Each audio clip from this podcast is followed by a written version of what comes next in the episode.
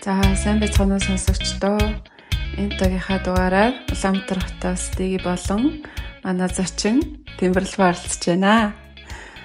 За зочинтойгоо танилцъя. Тэмбэрлэл маань өөрийгөө танилцуулаач. За. За баярлалаа орой минь намайг Тэмбэрлэл маа гэдэг. Би олон улсын банк санхүүгийн байгууллагад ажилладаг. Санхүүгийн удирдлагаар сурсан. За мөн бас улсын маркетинг менежментийн чиглэлээр суралцдаг гэсэн юм хүн байгаа. За тэгэнгүүт битэрийн өнөөдөр сонгож авсан ном болохоор таны хүү залах уу биш He's not lazy нэртэй ийм сонирхолтой өсвөр насны хүүхдүүдийн хүмүүжил харилцаа тэдрийг яаж эцэг их сургууль хүмүүжүүлэгчдийн зүгээс чиглүүлэх хэрэгтэй гэдэг талаар ном байгаа. Тэгээд энэ номын маань бас орчуулагч юм байгаа. Тэг яаж яваад энэ номыг орчуулах сэтэл төрчвөө энэ талаараа. Аа. Тэгээ энэ айгүй тийм гентийн ч гэдэг юм огт төлөвлөөгүй нэг юм сонирхолтой гоё ажил хийцэн. Тэгээ энэ яг нөгөө ковидын үед бид нар чинь бас нөгөө хороонд орцсон. Манай ажил ч гэсэн нөгөө нэг гэрээс 100 болцсон байсан. Тэгээ тэр үед яг би угаасаа нөгөө нэг манай хүүч өсвөр насндаа орж исэн хүүгээ илүү ойлгох гээд айгүй олон юм хайж явж байгаа санамсаргүй байдлыг энэ номыг олж аваад тэгээд нэр нь угаасаа яг айгүй сонирхолттой. Бид нар чи хөвчлэн л нөгөө манай хүү залахгүй байна. Тэг болохгүй байх, ингэхгүй байх гэдэг. Гэтэл энэ ном маань өөрөө залхуу биш гэд нэрлэлцэн. Тэгэхээр за би яг нөгөө өөртөө одоо тулгараад байгаа асуултын хариултыг энэчээс авчих юм байна. За тэгээд уншингаа ерөөсөө орчуулчихъя. Наа чи айгүй олон эцэгчүүд бас хэрэг болох байх гэж доо тэгээд орчуулсан юм байна. Зөв зөв. Аа би бас энэ номтой чамайг манай сургууль дээр танилцуулах үеэр нь энд доо 12 сард юу 1 сард уу Нэг сард сайн гараад нэг сард. Цагийн лекц хийсэн тийм маш ойлгомжтой товчхон агуулгын танилцуулаа. Тэгээд бидэрт номоо орхиод явсан. Тэгээд номын уншснаас нь хойш ахлах ангийнхаа хүмүүсийг менторлох одоо ашиглаж хэлсэн. Аа. Оо ямар гоё. Аа. Айгүй хэрэг болсон ном байгаа. Тэгээд номоо дахиад уншингууд өнөөрөө би энийг хэрэгжүүлээд эхэлсэн юм биш. Энэ надад тусаа өгч байгаа юм биш гэдэг юм уу. Өнөөдөр эргүүлж хараад бодчихлоо. За тэгээд ийм сонирхолтой номыг орчуулаад тэгээд бас олон хүнд хүрэх гээд гой буянтай ажил хийж байгаад нь баярлаа. Баярлалаа. Та хэдэд бас маш их баярлалаа. Бас олон хүмүүст бас сонсгох ийм боломж олгоод бас подкастнда урьж оролцуулж байгаад үнэхээр их баярлж байгаа шүү. За. За За тэгээ ном руу орохоос өмнө ерөөхдөө бид нар подкастын ивент хийчих дурддаг байгаа. Эрүүл мэндийн хэмээгээд tweetгээ. Эрүүл мэндийн чанарыг эрхэмлэгч подкаст ерөнхий ивент тэгч Denk Pharma гэдэг газар манай дугаар болгоныг ивент итгэдэг байгаа. За тэгээд ном руу оръё те. Тэгээд Тэмрэл марчуулагч маань энэ доктор Адам Прайс гэд хүний талаар товчхон танилцуулаад номныхоо ямар ямар хэсэг бүлгүүдээс бүрддэг талаар бүтцийг нэг танилцуулаач.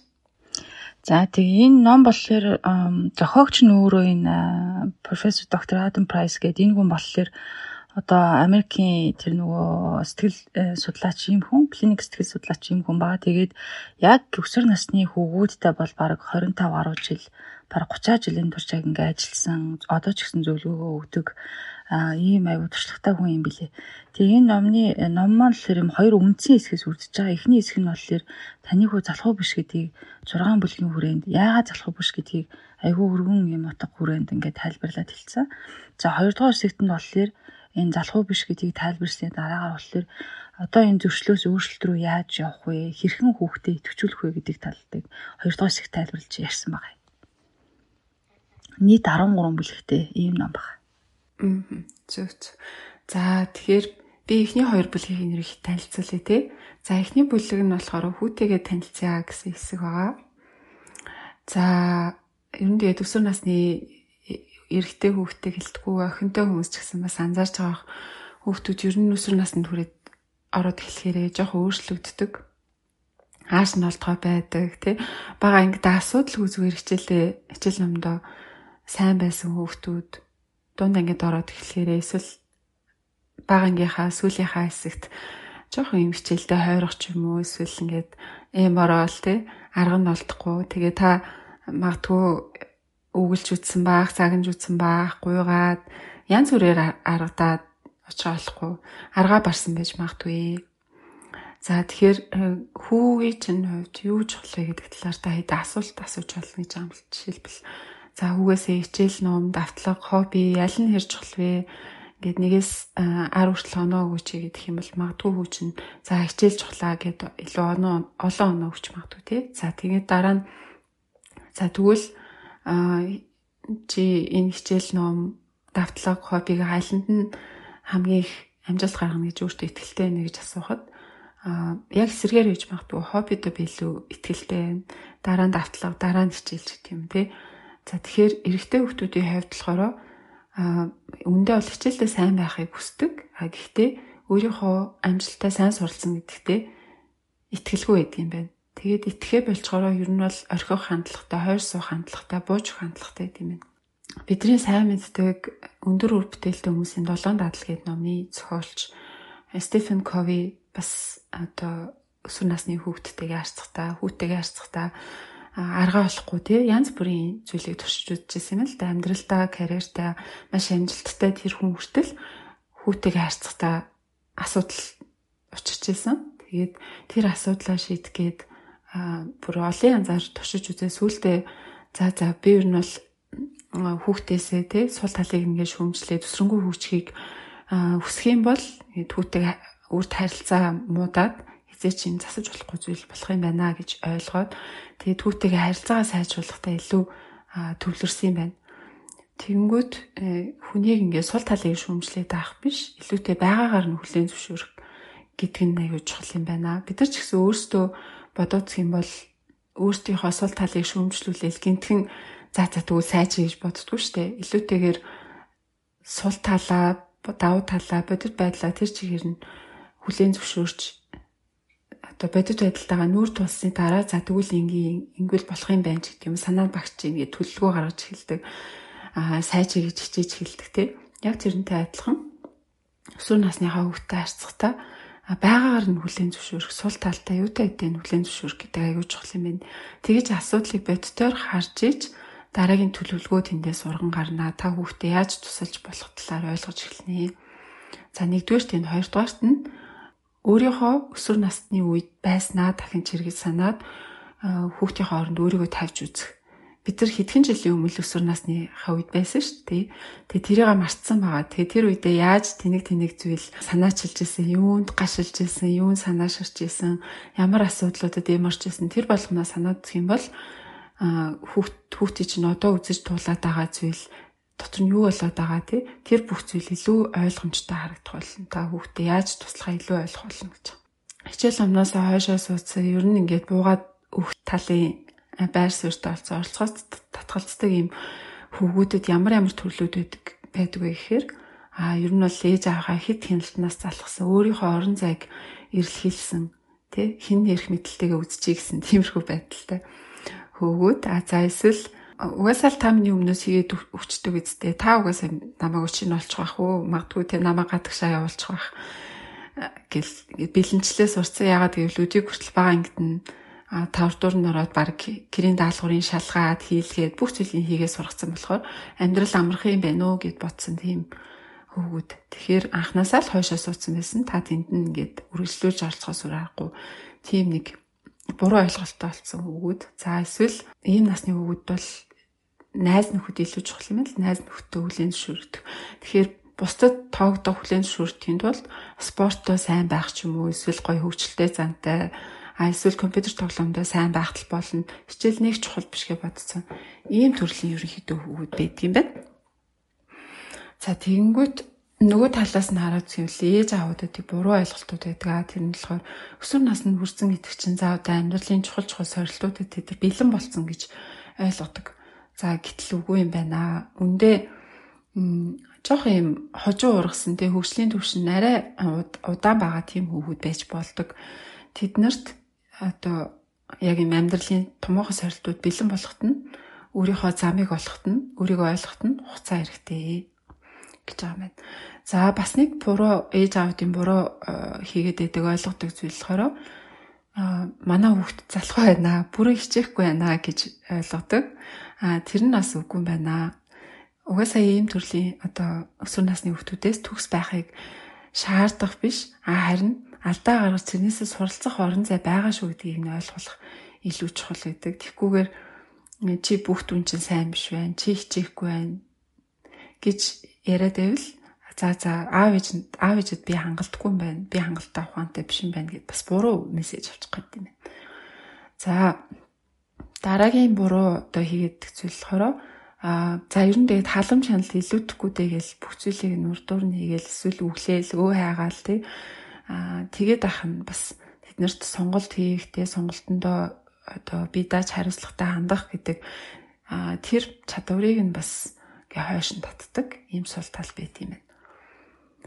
За тэгэхээр хоёрдугаар бүлэгт болохоор үргэлжлүүлээд өөрчлөгдөх бие өөрчлөгдөх бодол санаа гэсэн юм хэсэг байгаа юм л да. За энэ дээр өсвөр насны хүүхдийн онцлогийг илүүтэйгээр за эдгээр юу эдний одоо бие физиолог бодол санаа сэтгэл зүйд юу тохиолдоод байгаа талаар үндсэлтэйгээр тайлбарладаг. За мэдээж хэрэг бие сэтгэл оюун санааны хувьд бол хувирал явагдаж байгаа үе байдаг. Бид нар ч гэсэн өсвөр насныхаа үеийг санах юм бол дотроо маш гүн гүнзгий асуултууд ургуулж боддог Тэгээ эмордог би хэн бэ? Би юунд итгэх вэ? Би хэн болох вэ зэргийг өмнө нь бага ангид огт тоодгүйсэн тэр асуултуудаа илүү гүнзгийгээр одоо бодож эхэлдэг тийм үе өгдөг те. За тэгэхээр энэ маань юу гэсэн үг гэхээр өөрийгөө олох аялалдаа өсвөр насных нь хүүхэд нь гарцсан байна л гэсэн үг. За тэгээд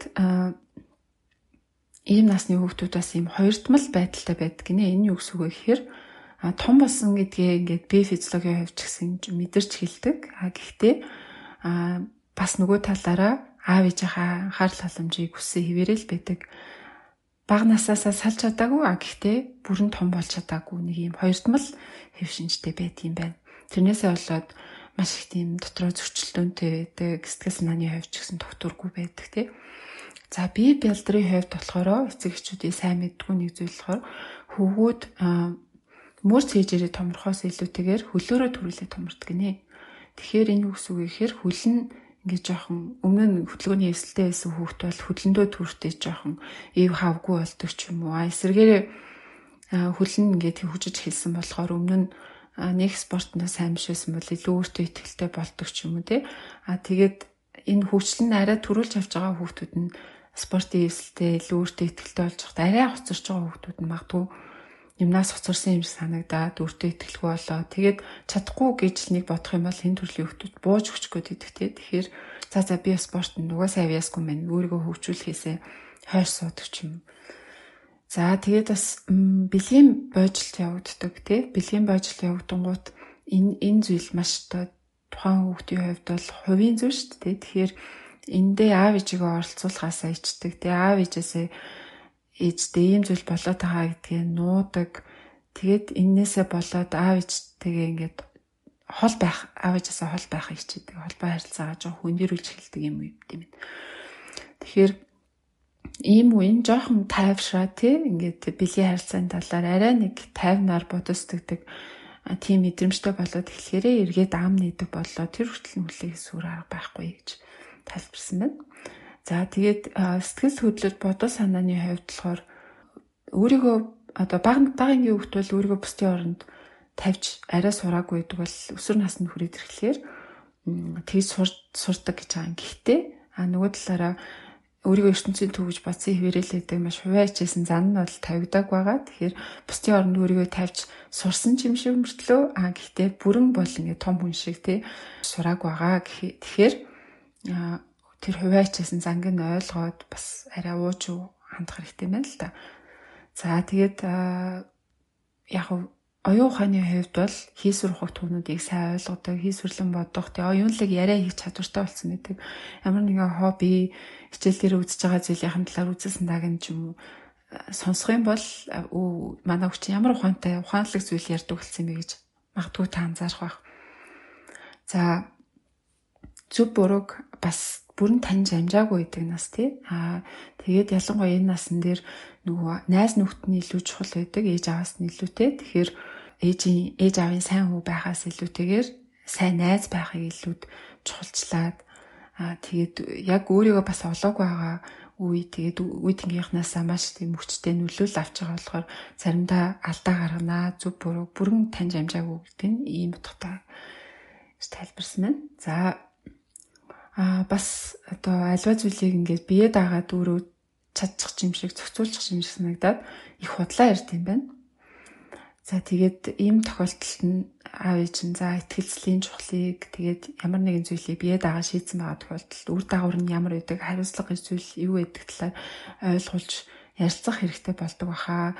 А тэрнээс биш за болон чадна гэсэн зохицуулна гэсэнгээ сохроор итгэх бол ухаалаг алах юм биш ээ. Ер нь бол ийм өсвөр насны хүмүүсийн 94 гэлээ 96% нь бол худлаа ирдэг гэж байгаа байхгүй. Тэр чинь чинь бас нэлээд өндөр хувь байгаа байхгүй. За тэгээд насанд хүрсэн хүн болон одоо бага насны хүүхдтэй харьцуулахад өсвөр насныхан бол сэтгэл хөдлөлийг илүү гүн гүнзгий мэдэрдэг.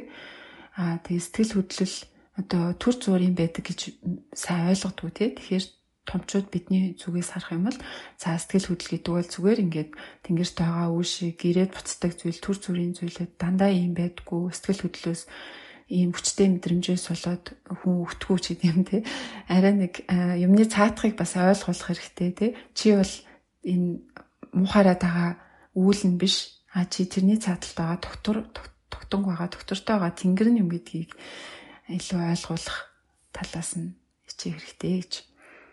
За Тэгэхээр эцэг эхчүүдийн зүгээс за тэгээд ийм нөхцөл байдалд байгаа хүүхдүүдтэй яаж харьцах юм бэ? Юу хийх хэрэгтэй бэ гэж асууж магадгүй те. Тэгэхээр хүүхдийн ха зан арын шиг ер нь бол ингээд муухай ажиллах ч юм уу те тань руу довтлох ч юм уу тэр тохиолдолд нөх өөр дээрээ тусгаж аваад гомдоод авах хэрэггүй. За таны төвчээрийг бараад уур хилэн гэл төөрөгд лайз төгшүүр хэмжлийн ер нь бүхий л төрлийн болох бүтггүй мэдрэмжийг чи өдөөн өдөөн.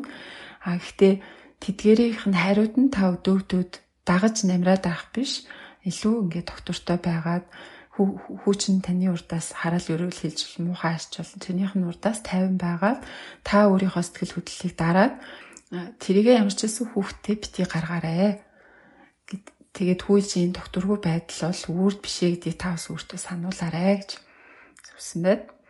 За тэгээд яриаг нь бол анхааралтай сонсох хэрэгтэй Гэтэ энэ нь бол ингэ зөвшөөрн хэлсэн болгоноор нь байна гэсэн үг биш. Илүү хүндэтгэлтэй байх, ойлгож байгаагаа мэдрүүлэх гэдэг энэ дээр илүү төвлөрөх нь байна. За тэгээд аюулгүй л бол алдаа хийж тэрнээсээ суралцах боломжийг олох нь бас чухал.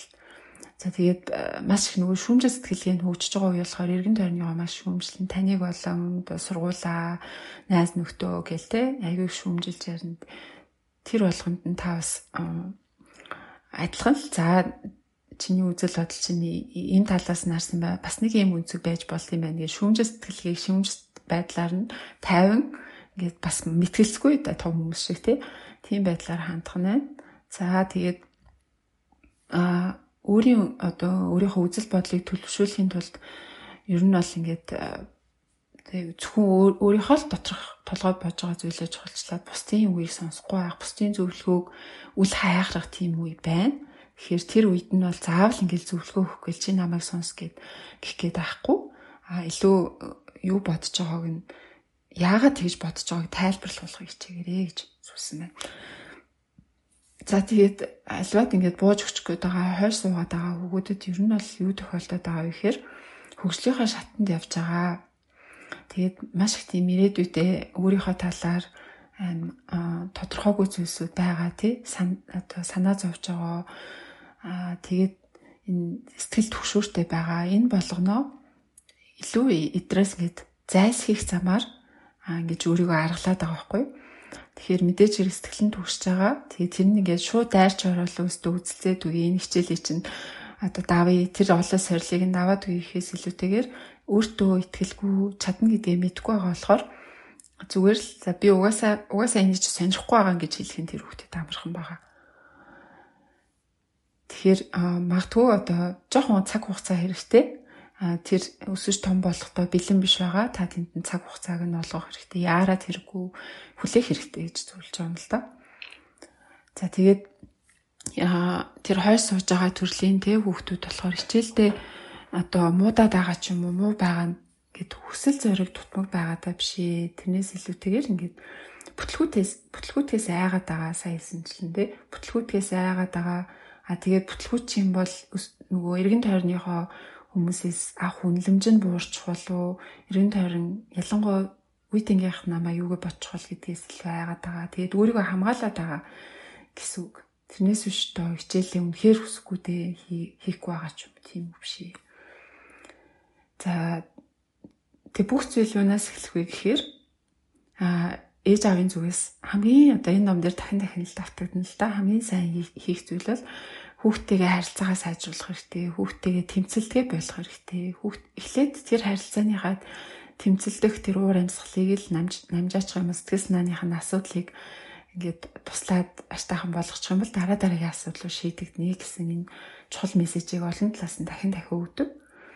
Тэгэхээр эхлээд хүүхдтэйгээ харилцаагаа сайжруулаад тэнцэлтгэ болчих юм бол магадгүй нэг л өдөр энэ хойшоо суугаад өөртөө ихтгэлгүй байгаа хүү маань өөрийнхөө чадварыг илрүүлээд өөрийнхөө альва зүйлийг хийх тэр итгэлийг олж авах байхаа. Тэгэхээр та төвчөрт өглөөгээрэй гэсэн ийм мессежээр нь 2 дугаар бүлэг дуусчихна. За үргэлжлүүлээд би 3 4 дугаар бүлгийг товчхон тайлбарлалчээ.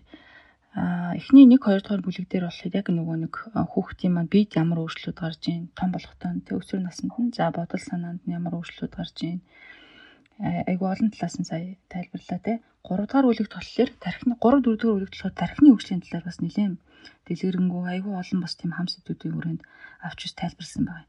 Хамгийн гол одоо өөрчлөлт нь болохоор энэ тархины урд хэсэгт байдаг бор гадраг гэдэг зүйл хараахан нөгөө нэг хөгжиж дуусаагүй томжоодохтой харьцуулахад бол хараахан бүрэн хөгжиж бусад хэсгүүдтэйгээ холбогдож амжаагүй байт юм байна. За тэгээ энэ нөгөө бор адраг гэ тархины урд хэсэг гэдээ яагаад энийг олон дахин яриад байна вэ гэхээр энэ нөгөө одоо хамгийн чухал одоо хэсэг юм байна л да. Аливаа зүйлийг ингэж урьдчилан таамаглаж, урьдчилан төлөвлөж, аливаа зүйлд хүүхдүүд маань хариуцлагатай хандах болчмгүй үйлдэл гаргах энэ төр бүгд энэ урд энэ бор адраараа зохицуулагдчих явд юм байна. Гэтэл энэ хэсэг маань болохоор хараахан томчуудтай харьцуулахад бүрэн гүйцэд хөгжил нь бол явагдаад дуусаагүй юм байна.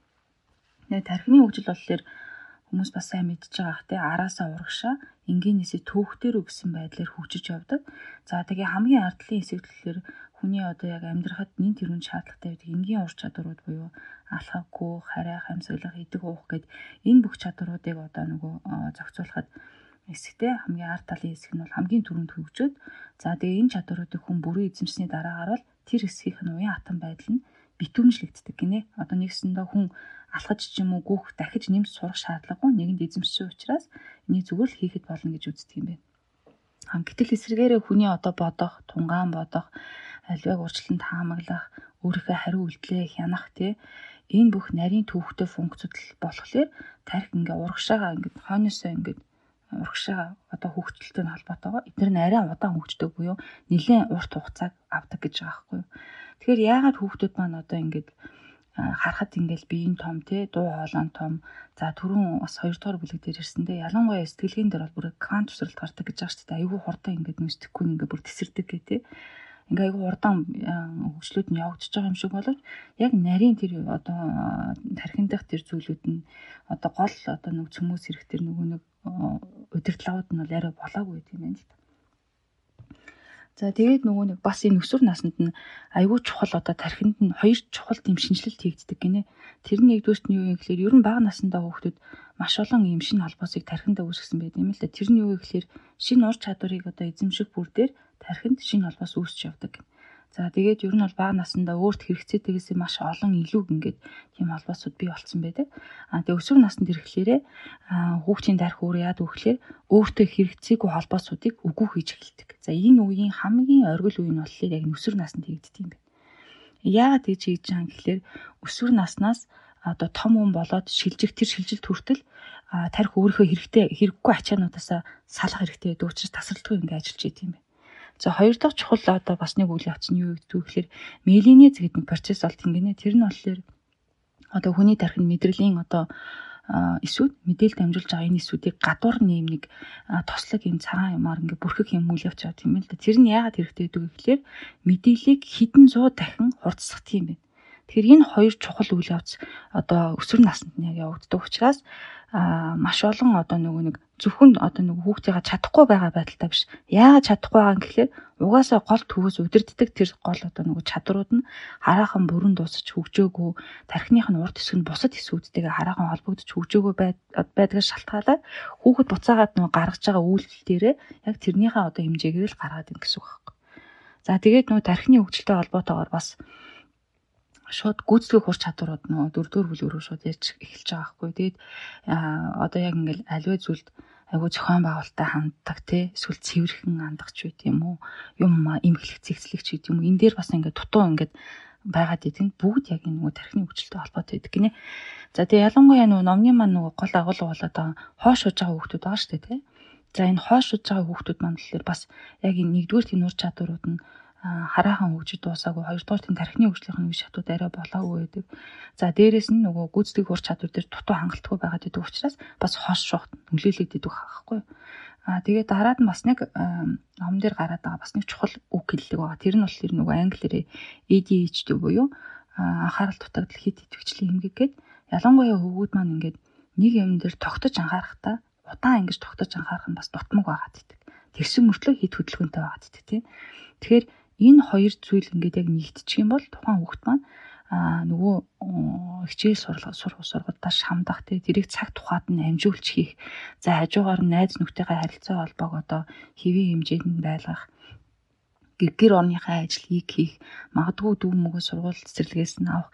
Ийм олон юмнуудыг зэрэг зохицуулах гэхээр а яалтчгүй ингээд нэг том хүн шиг одоо бүгдөө ингээд малти цацтаскинг маяг байгаар тэг ингээд бүгдөө ингээд зэрэг зэрэг хамжуулаад хурдан хурдан хариулт үзүүлээд явах угаасаа тэр чадвар нь хараахан бүрдээгүй байдаг учраас хүүхдийг маань нөгөө хоош сухт нь хүргээд идэг байна.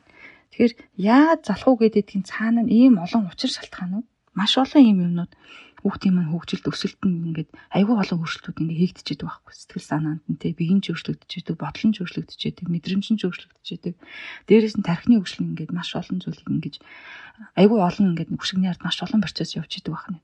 Тэгээ энэ олон зүйлийг яагаад хэлээд байна гэхээр бид нар нөгөө энийг мэдэхгүй учраас ойлгохгүй учраас зүгээр л өнгөц харагдаж байгаа байдлаар хүүхдүүдэд өгнөд тэгээд нөгөө буруу буруу томьёолоод идэх те хүүхдөө энэ юусоо бүрэн ингээд дайчлах хэмжээнд өөрийгөө дайчилж чадахгүй байгаад энэ одоо хийж чадах юм те ингээ хийж чадахгүй байгаад энэ гэдэг байдлаар хараад гэтэл энэ ард бол маш олон зүйлүүд болж идэг юм шүү. Үүний нэгд одоо томоохон хоёр зүйл нь болохоор яалтчгүй энэ тархины хөгжил за босод тэр сэтгэлгээнд гарч байгаа өөрчлөлт энэ төр байгаа шүү гэдэг хэлж байгаа. За дөрөвдүгээр өглөгт ороод ирэхлээр тархины яг энэ нөгөө нэг хөгжилтэй хамааралтайгаар гүйцэтгэх ур чадваруудыг айгу ярьсан байгаа юм.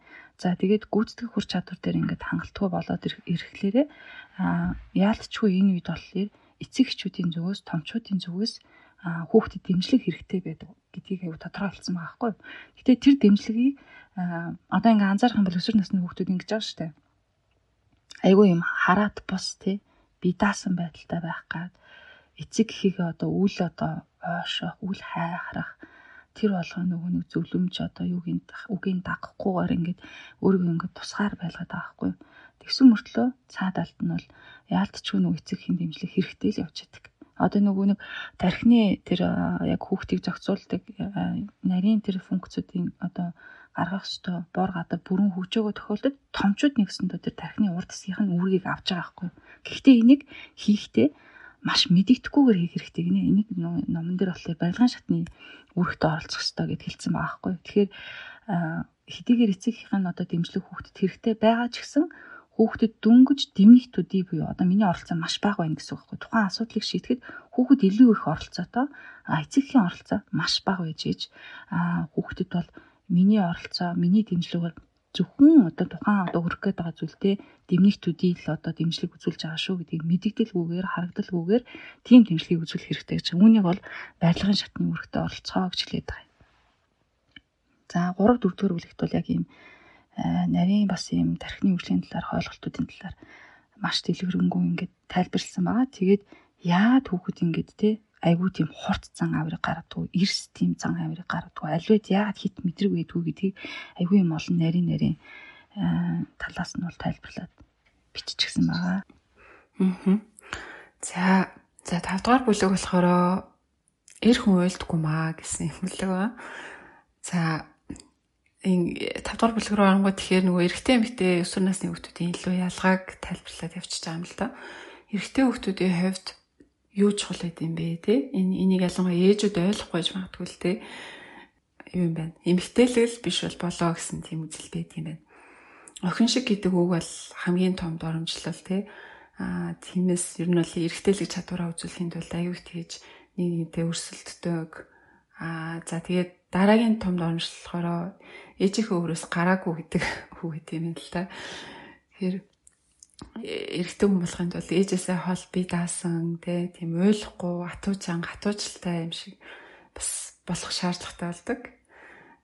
За гэтэл чи нөгөө хүн л юм болсон хань сэтгэл хөдлөлөө хуваалцах тий өөрийнхөө талаар ярих тийм өгнөл хэрэгцээ байгаад байна шүү дээ. Гэтэл ээжээсээ хол авах хэвээр ойлгохгүй авах хэвээр гэсэн нэг юм peer pressure гэх үү одоо эрэгтэй хүмүүсийн тэр доторх тийм дарамт бас байгаад байна л та.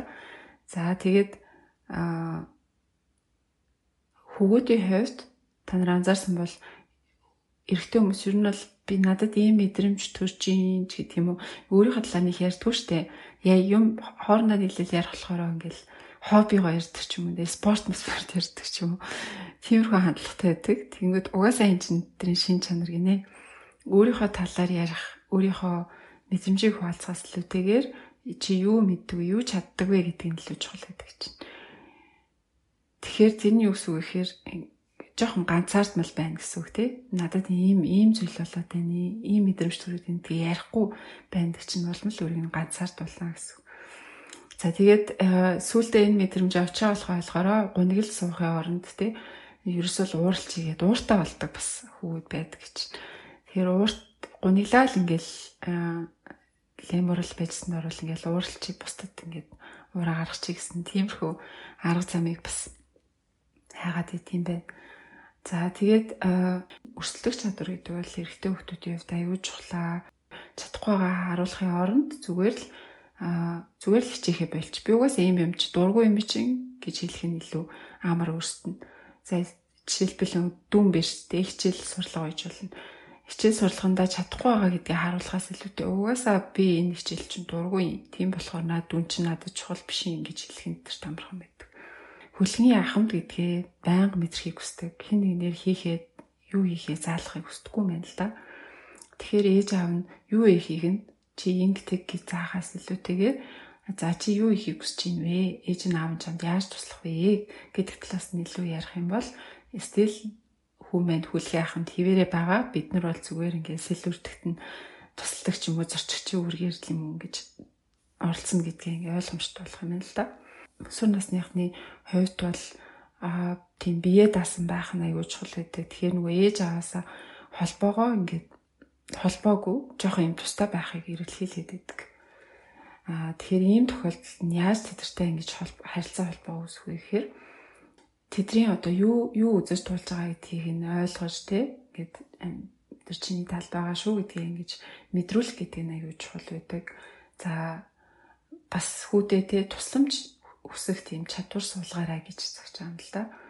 Аа тэрийг хэлэхдээ за би тусалчи миний хүү надаас тусламжаа хүсгээд хахаар бас тэр нь ойлголцохгүй юм шиг байна. Тэгэхээр илүүтэйгээр за ээж нь аав нас чиний насан дээр ингээд надад ийм хэцүү байх үед тийм нэг том хүн туслаад одоо магадгүй хамаатны хүнэн ч юм уу таньдаг хүнэн ч юм уу аав нээж нь эсвэл одоо багш нь ч юм уу тийм хүн туслаад намайг ийм асуудлаас минь салгаж илээ гаргаж илээ ч гэх юм уу тийм нөгөө нэг өөрөө тусламж аваад айгуу дээрдчихсэн тийм зүйлээ хуваалцаж болно гэж байна. За бас ээжүүдийн хувьд бол одоо эрэгтэй жоохон юм хүүгээсээ жоохон ах тийм эрэгтэй ментор чиглүүл хүн бас тавьж өгвөл тустай байдаг юм лээ. Гэрийн багш нь доо жоохон оюутан эрэгтэй хүүхэд байдаг ч юм уу тий. Эсвэл нэг спорт уралдаанд тийм чиглүүлээд явцдаг, зөвлөгөө өгчдөг тийм хідэн насаар ах эрэгтэй хүүхэд бас зүгээр байдаг шүү гэж. За тэгээд хичээлээс гадуур бас ингээд өөрийнхөө чадна, өөртөө итгэл итгэлтэй гэдгээ мэдрэх ямар нэгэн зүйл хийх гэдэг л тэрийн нас дэмжээрээ. Наа чи хичээл ямар ч хамаагүй юм дээ. Чи ямар ирээдүйд дуучин болох гээд байгаа юм уу, жүжигчин болох гээд байгаа юм наатаа хай гэхийнхээ оронд а хэрвээ тэрний хичээл сурлагт нь саад болоогүй л бол буруу зуршлал биш бол дэмжиж үзээрэй. Тинээс бас хүүхдүүд аягүй гоё өөрчлөлтүүдийг авдаг шүү гэж зөвлөсөн байна. За тэгээд 6 дугаар бүлэгт болохоор сургууль суралцах нь хэтэрхий сайхан гэдэг юм хэсэг байгаа юм л да. Аа за сургуульд ороод эхлэхээр аа за биднээс анзаардаг штэ охтууд илүү ингээд одоо хичээл юмд арай нэг мэрэлттэй арай нэг толгой өвдөхгүй байгаад идэх тий. Тэгэнгүүт хөвгүүд угаасаа ихэнх хөвгүүд за хичээлээ сайн байх гэдэг чинь хичээлээ хийнэ гэдэг чинь ер нь бол охтуудын ажил эсвэл ийм нэг ном ном ном дэвтэр барай шагаа суудаг хөвгүүдийн ажил гэх юм. Тиймэрхүү байдлаар ер нь бол ярьчих гад идэг, бодчих гад идэг. Тэгээд а хичнээн өөрөө хичээгээд сайн дуу авчихсан ч гэсэн тэр эрэгтэй хүмүүс бусад эрэгтэй хүмүүстэй ярихдаа өө би баг давтаагүй. Тэгэл зүгээр баг потенциалаараа сайн сурч байгаа гэж хэл гэж худлаа өнгөрдөг гэхүү те. Тэгэхээр нөгөө нэг эрэгтэй хүмүүс анны хойдолтой хөдөлмөр байдаг давтах хэрэгтэй гэдэг мессежийг бас буруу аваад идэв юм байна. За тэгээд эрэгтэй эмэгтэй хүмүүсийн хувьд сургуульд ингэж ям одоо архиц дэвшил үзүүлэхэд нь бас ялгаатай байдаг чухал чухал шинж чанарууд байна л да төрөлхийн гэхүү. Тэр нь болохоор хөдөлгөөний хувьд ийм хоёр том жижиг булчин ажиллавал хоёр тийм шинж чанар байт юм л да. Тэрнийх нь ийм том булчин ажиллах буюу алхах, гүйгүүх, одоо харайх өсрөгч гэдэг юм уу тиймэрхүү биеийн илүү том булчин ажиллах хөдөлгөөнүүдийг эрэгтэй хүмүүс илүү хийх дуртай байдаг. Тэгэхээр нөгөө илүү хөдөлгөөн шиг хийв шинжтэй тий зүггүйттэй гэдэг ч юм. За охтууд нь болохоор илүү хуруу хурууныхаа булчин ажиллах тийм нарийн жижиг хөдөлгөөний үйлд сайн байт юм байна. Тэрний ус үгийг гутлаа өдөх, товч товчлох, за үзгээр бичих ч гэдэг юм те. Тэгэхээр сургуульд аль нь илүү үнэлэгдэх вүлээ бодоод үзэхээр өмүүлж байгаа хүүхэд нь үнэлэгдэх үү эсвэл одоо илүү их цэвэр бичиж байгаа хүүхэд нь үнэлэгдэх вүлээ аль үйл нь илүү хийгддэг вүлээ хичээл дээр суугаад юм төвлөрөөд хийх нь илүү их сургуульд бол давмгай байдаг тий. А чөлөөтэй гүйж тоглох гэдэг бол арай бага цагтай байдаг. Тэгэхээр анханасаа огтод давуу талтай байна гэсэн үг. За хичээлийн хувьд харах юм бол математик байгалийн ухаанд хүүгүүд бол арай сайн байдаг. За тэгэд энэ нь болохоор нөгөө альва объектыг оюун санаандаа дүрслэх чадвар нь илүү сайн үүссэн байдаг болохоор одоо лего сайн тоглолт өчт математик, физикийн ойлголтуудыг илүү хурдан хүлээж авдаг ч тийм үү. За охид харин хөвгүүдээс илүү хурдан хэл дурдаг, өөрийгөө илэрхийлдэг, бусдыг сонсч чаддаг. За тэгээ энэ чадвараа ашиглаад бусдад холбоо харилцаад тогтоож чаддаг. За бас анхаарлаа чимээгүй хандуулаад суухтаа охтууд илүү хөвгүүдээ сайн байдаг. Тэгэхээр дүгнэж хэлэх юм бол хэл яриад энэ хөдөлгөөний нарийн ур чадвар, бие барих чадвар, тий анхааралтай суух чадвар гэдгийг энэ бүх зүйлсээрээ охид илүү хөвгүүдээс анх сургуульд орохоосоо эхлээл илүү давуу шин чанартай байдаг. Энэ давуу шин чанар нь бага ингээд төсөл буюу 5 дугаар ингээд төсөл үргэлжлэдэг гэж байгаа. За тэгээ 5 дугаар ингээд төсөж баг нөгөө өсвөр насны үеийг хэлж ш. Тэгээ хөвгүүдийн хувьд бол одоо энэ ном дээр гарч байгаа янз бүрийн хойр суух гэлээ асуудлууд нь хүрээ явцдаг болохоор ер нь л ингээд хөвгүүдийн хувьд бол сургууль сурах гэдэг бол октыг бодвол арай сул тал байд юм шиг санагдлаа. Номноос авсан мессеж л. За тэгээд Энийн эсрэг бид нар яаж эцэг их сургууль өмчлөгчдийн зүгээс юу хийж чадах вэ гэдэг юм бол багш нар бол одоо хүүхдэд илүү ингээд ойлгохыг хичээх те тэр хүүхдэд анхаарлаа хандуулж байгаа шүү гэдгийг мэдрүүлэх нь илүү чухал. Тэрнээс биш би чамаас илүү шүү, би юм мэддэг шүү гэж захиргаад захиргаадаа тахтаа нэг чухал биш тэрний илүү үр дүн багтаа байдаг шүү. За тэгэхээр эцэг эхчүүд хэрвээ одоо багш хүн таны хүүг эвгүй байдалд оруулаад тий ялгуурлан гадуурхаад олны өмнө ингэж ичгүүртэй байдалд байлгаад байвал тэрийг нь та анзаараад төвлөлт хийгээд сургуулийн захиргаа багшд мэдэгдэх хэрэгтэй байх байх байна. За эцэг эхийн зүгээс бас гэртээ хийж чадах нэг гоё зүйл болохоор уншихын сайхныг мэдрүүлэхээ хөвгүүд уншихтаа жоохон хойрог бичгтээ жоохон хойрог байдаг. Энэ дээр хөвгүүдийн сонирхох номыг олж уншуулах гэдэг аюул чухал. Ном дээрс хөвгүүдийн дуртай номны жагсаалт байлээ. Тиймэрхүү ч юм уу бас Монголд бол нөгөө янз бүрийн зурагтай хөрх хөрхөн комикууд өгдөн штэ. Би бол эцэг эхчүүдтэй бага ангиас нэглээд энэ заа ч юм уу, ногоон ч юм уу, цандуулаа цөндөлөөч гэдэг юм уу те. Илүү юм нөгөө комик тэгээд агуулга нь аюу хөрхи ирүүл хүүхдэд юм сургачаар тийм комикудаас эхлэжээ Тэгээд нэг ном дуртай болоод эхлэх юм бол хүүхдүүд ямар ч зураггүй ном уншсан ч гэсэн сонирхдаг болчихноо. Эхлээд сонирхолтой номноос нь эхлэрэй гэж зөвлөдөг. Тэгэхээр ном сонголтын дээр туслах нь байна. За тэгээд бас аав ээжүүд бас өөрийнхөө уншиж байгаа номноос тий сонирхолтой хэсгийг нь ярьж өгөөд сонирхлыг нь татах, хуваалцах тэгээд чиний одоо энэ болоод байгаа зүйл чи энэ ном хэрэгтэй юм шиг гэж одоо зөвлөх юм. Тиймэрхүү байдлаар номд дурлуулах талаар зөвлөсөн байна. За үргэлжлүүлээд дараагийн бүлэг рүү ороход нөгөө нэг бид нэр эцэгчүүд ингэдэг юм байна л да нөгөө уг нь бол ингээд хүүхдээ өөрөө аягүй сайн ингээд итгэвтэй болоод амар сэтэлтэй болоод ичгчүүлээд тэгээд нөгөө гатцсан байгаа тэр байдлаасаа хурдан гарахыг хүсэж идэг. Гэтэл зарим тохиолдолд яадаг вэ гэхээр өөрийн мэдлэг үүнийхээ эсрэг бид нэр үйлдэлийг хариу үзүүлж идэв юм байна. За тэр нь юунаас болдог вэ гэхээр бид нар аягүй юм буруу таамаг өөрсдийнхөө л үнсгээс харсан юм буруу таамаг таамаглуудыг аягүй ингээд боддог. Жишээлбэл одоо нөгөө яг өөрөө ингээд нүрээ тулаад асуудлаа шийдэх байталтай тул ерөөсөө нүрээ тулж нүр тулж асуудалтайгаа шийдэхгүй байна. За тэгээ хангалттай сайн ерөөсөө юмдаа анхаарч хичээхгүй байна гэд яг ийм ийм бодлоосоо болоод хариу үйлдэлүүдийг гаргахтаа бид нөгөө хүсэж байгаа зүйлийнхаа эсрэг хариу үйлдэлүүдийг хүүхдүүдэд гаргаад идэг. Аа тэгэхээр 1-ээс 6 дугаар бүлэг хүртэл ерөнхийдөө яг нөгөө эцэг эхчүүдийн буруу ойлголтууд юм уу яагаад хүүхдүүд маань ийм нөхцөл байдалд байгаад байгаа үүний цаана юу байгаа гэдгийг аюу олон талаас нь ингээд гэрэл тусаа харуулж байгаа хгүй. Тэгэхээр 7 дугаар бүлэг дээр хүрээд ирэхлээр бид нар нөгөө хүүхдэд харж байгаа өнцөг маань арай өөр болно. Яагаад вэ гэхээр аа ийм юм хөгжлүүдийн үе шатыг хүүхд маань давж явж байгаа юм байна. Энд чинь бас нөгөө хичээлээс гадна сургууль дээрээ зохицуулах асуудал ууж чих байгаа юм байна. Тэг чинь эр хүн ба одоо болж байгаа тий том эр хүн болох гээд байна Тийм учраас байнга ингээд эр хүн гэдгийг нотлон харуулах шаардлага алхам тутамд нь хүүгүүдэд маань толгордог гэж байгаа байхгүй. Тэгэхээр хичээл намаас нь илүү энэ тэр хүнд нь толгойд нь тэр тулгараад байгаа асуудлуудад би яаж хариу үйлдэл үзүүлэх үү гэдгээ ботхоос биш ингээд хөлсөө гаргаад хичээлээ их юм чухал байна гэдгийг бодох нь бол бүр хойно байх юм болоод байгаа байхгүй. Тэгэхээр энэ олон зүйлүүдийг тий хүүхэд маань өөрт нь бас шийдэх хэрэгтэй. Хичээлээс хичээл номоос гадна олон асуудал байна. Дээрээс нь хөгжлийнхаа маш олон үе шатуудыг туулах явцтай байна. Аливаа зүйлийг танин мэдхүй, сэтгэл хөдлөлөө удирдах. За тэгээд нөгөө янз бүрийн ирж байгаа дарамт бэрхшээлүүдийг даван туулах тий.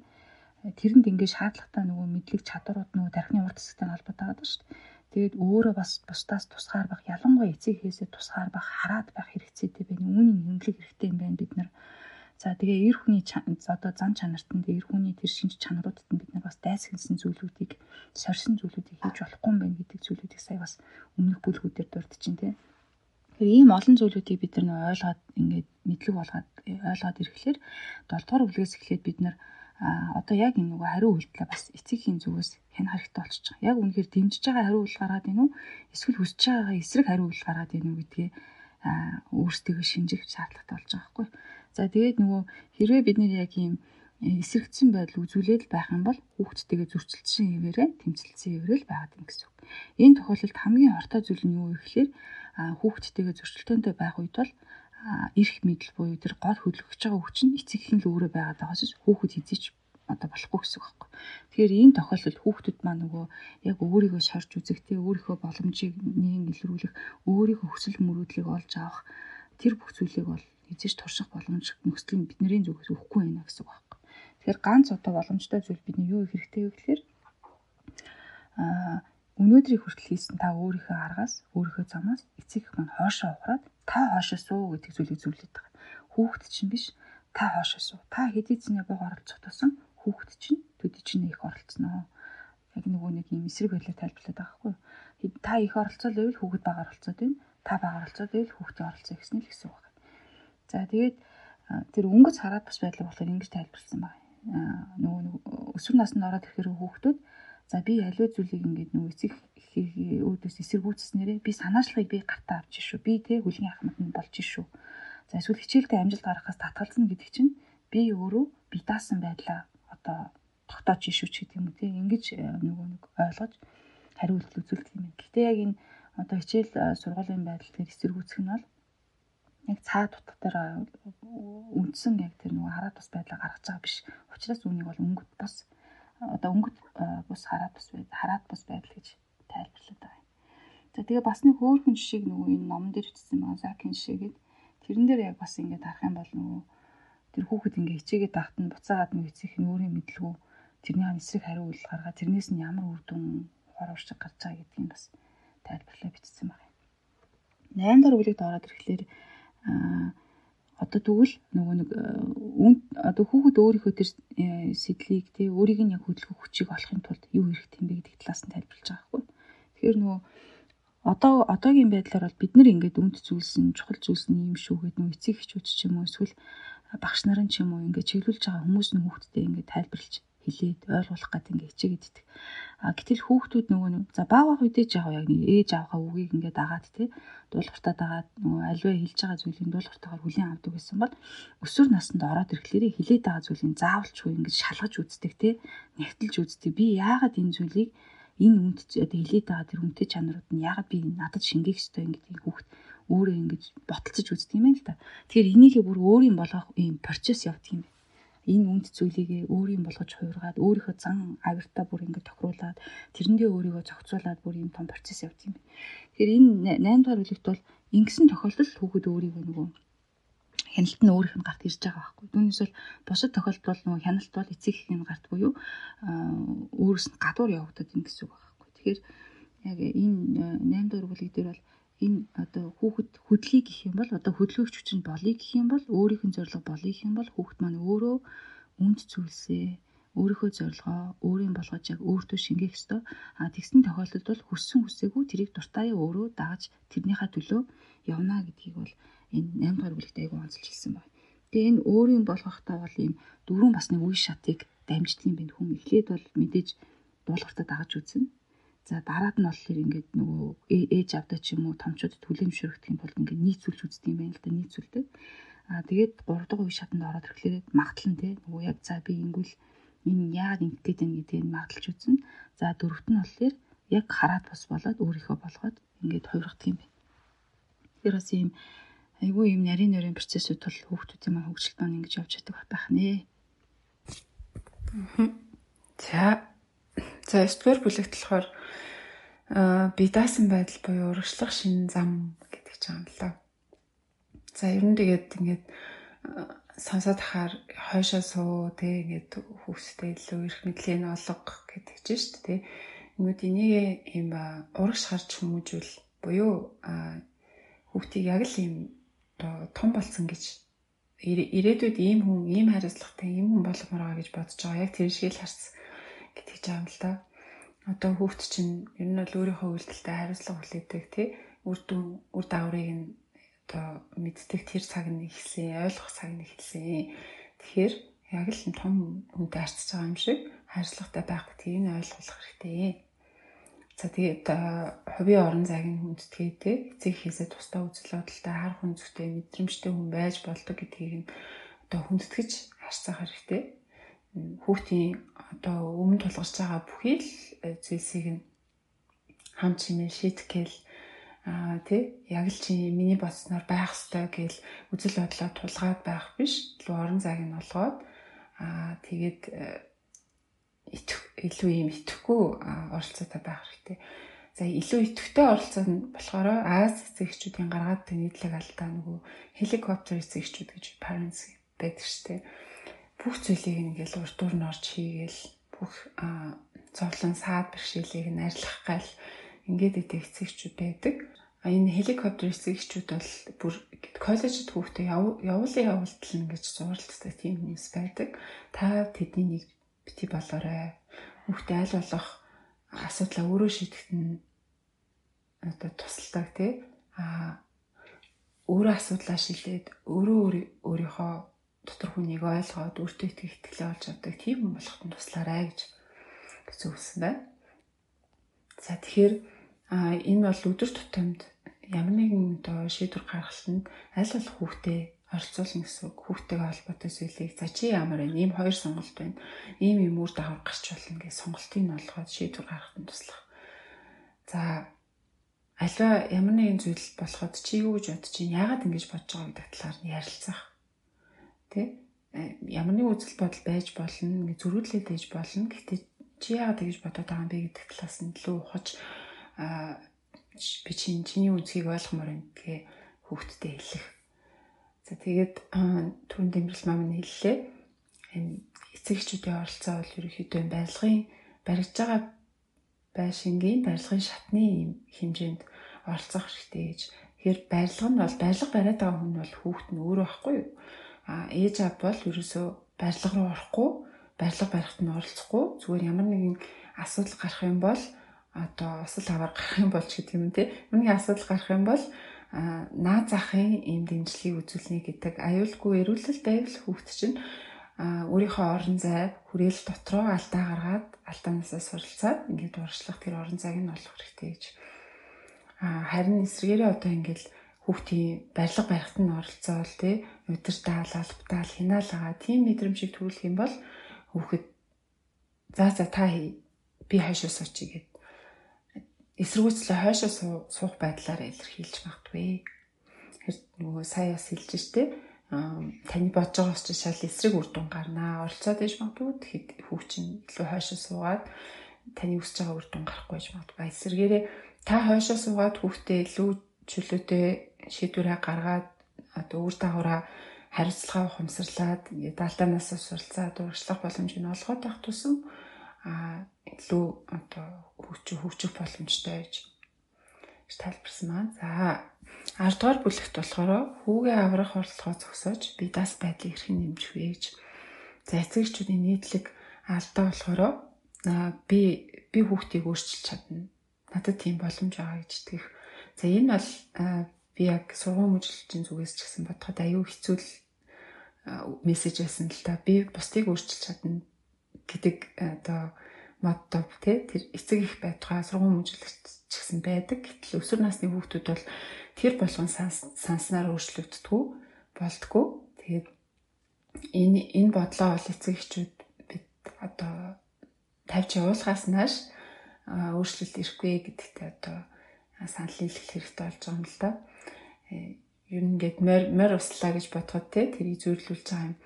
А эцэг эхчүүд бол морийг гол дээр аваач чадхаас биш а усуулгаж чадахгүй усуух хэсгээ бол одоо хүүхд өөрөө шийднэ морь өөрөө шийднэ Тэгэхээр бүх зүйлийг та өөрчилж чадахгүй хүүхдийг хүснээр өөрчилж чадахгүй гэдэгт илэрх хэрэгтэй. За бас нэг зүйлийг олон удаа хэлэн л олон удаа асуугаал ахаар тэр чинь бэлнэ гэсэн үг биш ээ. Тэглээ дамжил болно гэсэн үг биш ээ. За бас хүүхдээ чи чадваргүй байх, хангалтгүй байх гэсэн мэдрэмж төрүүлээ. Тэгээ буруутгаад ичгүүртэй адилд оруулах оруулах юм бол за ичээд ингээ хийчих байх. Тийм бол байхгүй. Харин ч эсэргээрээ танаас дүлэн, танаас нүрээ буруулна. За бас нийтлэг гаргадаг алдаа. За одоо л өөрчлөхгүй бол өстой буруу замаар орлоо доо гэж бодох. Оройтолоо доо гэж сандрах. Гэтэл э, яг үндэ бол одоо л ийм үе байгаа болохоос биш ирээдүйд манай хүүхдтэй энэ хойш сууж байгаа энэ хэсэг үеийн өнгөрөөд сайхан ирээдүй ирнэ. Хүүхд минь өөртөө итгэх итгэлээ олж аавна. Нэг л өдөр шал өөр хүн болно гэдэгт итгэхээс өөр арга байхгүй мэн л да. Одоо өөрчлөе гэж та хичээгээд ч санснасаа шал эсрэг үр дүнг авчих магадaltaй. Одоо л өөрчлөхгүй бол болохгүй ориллоо гэд сандраад байгаа эцэгчүүд илүү төрөнгийн болно, илүү хяналттай, илүү нөгөө аврагч хеликоптер эцэгчүүд болно. Тэгэх тусам бүр чи хойшоо суух магадaltaй гэсэн үг байхгүй.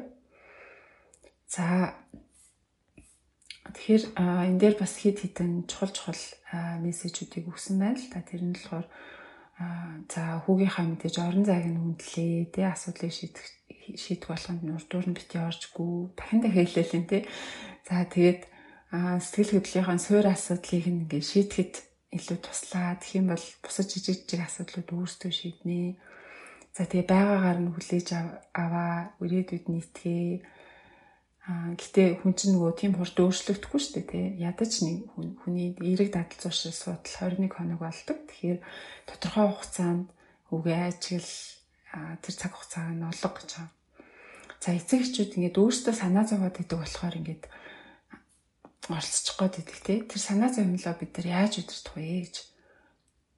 За энэ дээр болохоор нөгөө worst case scenario буюу хамгийн тохиолдож болох муу зүйлийг одоо бодоод тэгээд тэрийг за тийм зүйл боллоо ч гэсэн би ингэж давамдуулна хүүхд минь ингэж давамдуулна гэдгийг гэдэг тийм сэтгэл зүйн бэлтгэлтэй болчихвол амар юм байна л да. Тэгээд нэг юм дасгал хийнэ. Ихийнх нь болохоор дөрөв асуултаа. Эхний асуулт нь болохоор тохиолдж хамгийн муу хөлб нь юу вэ гэв. За надтай уулздаг эцэгчүүдийн хувьд бол хамгийн том зовнил нь за манай хүүхэд гадагшаага их сургууль явж чадахгүй бол яах вэ гэсэн тийм зовнил байдаг. За хоёрдугаар асуулт нь тэгвэл тэр чи хэр зэрэг магадaltaй зүйл вэ гэд өөрөөсөө асуугаад үзтээ. За магадгүй бакалавртаа явж чадахгүй ч магадгүй те. Гэхдээ а манай хүүхд гадагшаа явахыг маш их хүсэж байгаа болохоор магадгүй Монгол их сургуульд орсон ч гэсэн солилцоогоор ч юм уу те суулаа төгсчүүд магистраар ч юм уу явах л ах явж ижил энэ явмаар байгаа хүслээ дарах байх гэж та бас өөртөө хариулах байх. За тэгээ гуравт нь болохоор би ингээд хүүхдээ бакалаврт гадаад явж чадахгүй бол би өөрийн одоо хүүхдээ урам хугарсан, өөртөө урам хугарсан энэ асуудлыг яаж дамжуулах вэ гэж. За тэрийг бас өөрөөсөө асуугаад үзтээ. За магадгүй би урам хугараал гэж цаа гэхдээ бакалаврт гадагшаа явуулна гэдэг чинь өндөр өртөгтэй. Би тэр мөнгөө одоо хэмнэж байгаа дараа дараагийнхан боломжинд зарцуулж болно шүү дээ гэж хариулж магадгүй. За тэгээ дөрөвт нь дөрөв дэх асуулт нь хүмүүс энэ тохиолдсон зүйлийг яаж даван туулах болоо гэж. За тэгээд үеийнхийнх нь ээж тийшээ гадагшаа яваад ахаар өөрт нь хэцүү санагдах юм чинь магадгүй илүү хичээгээд дараа дараагийнхаа боломжийг олж авах байхаа гэж хариулж магадгүй тий. Тэгэхээр энэ юуг харуулад байна вэ гэхээр та нар нөгөө мэдхгүй зүйлээсээ аягүй хайдаг тий. Зүгээр л ингээд за яана яана яана яана л гэж бодоод тэр яана гэж бодож байгаа зүйлээ дахиад жоохон гүн гүнзгий бодоод нэрнгээсээ тэр зүйл чинь тохиолдсон тохиолдох юм бол а би ямар бэлтгэлтэй лээ хүүхд маань ямар бэлтгэлтэй лээ. Гэхдээ тэр зүйл минь тохиолдох магадлал хэр өндөр гэлээ гэд сайн бодоод үзвэл а энэ зүйл тийм амар айцтай зүйл биш байж магадгүй тий. Тэгэхээр тэр талаас нь төслийг хийгээд зэрээ гэж зүгсэн байгаа. За тэгээд хүүтэйгээ харилцах талаарс нэлээд зөвлөгөөнүүд өгсөн байна. За энэ дээр 75 25-ын зарчмыг баримтлаа гэж буюу нийт одоо та хоёрын харилцааны одоо 75% нь та сонсож 25% нь та ярих нь илүү хүүхэд нь ярина та сонсно гэсэн үг. За мөн илүү юм нээл нээлттэй асуулт асууна. Одоо дүн муу байлаа гэж бодоход чи одоо хичээлээ хийж болсонгүй юу ч гэдэг юм те. Тэгэж асуух биш. Илүүтэйгээр дүнгээ ахиулахын тулд юу хийж чадна гэж бодож гин гэж илүү нээлттэй асуулт асууна. Хаалттай асуулт асуухгүй. Тийм үгүй ч гэдэг юм те. Өглөх янших тийм асуулт асуухгүй. Цаашд яах вэ? Яаж ингэж болох вэ? Юу гэж бодож ин гэдэг юм те.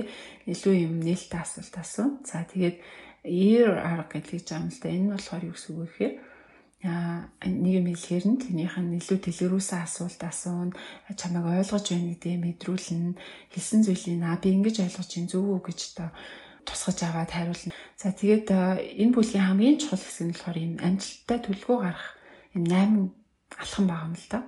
Ихийнх нь болохоор за дандаа хүчин жоохон сурлага ахихгүй гэж магадгүй те сурлага муудаад ээж магадгүй энэ тохиолдолд яах вэ?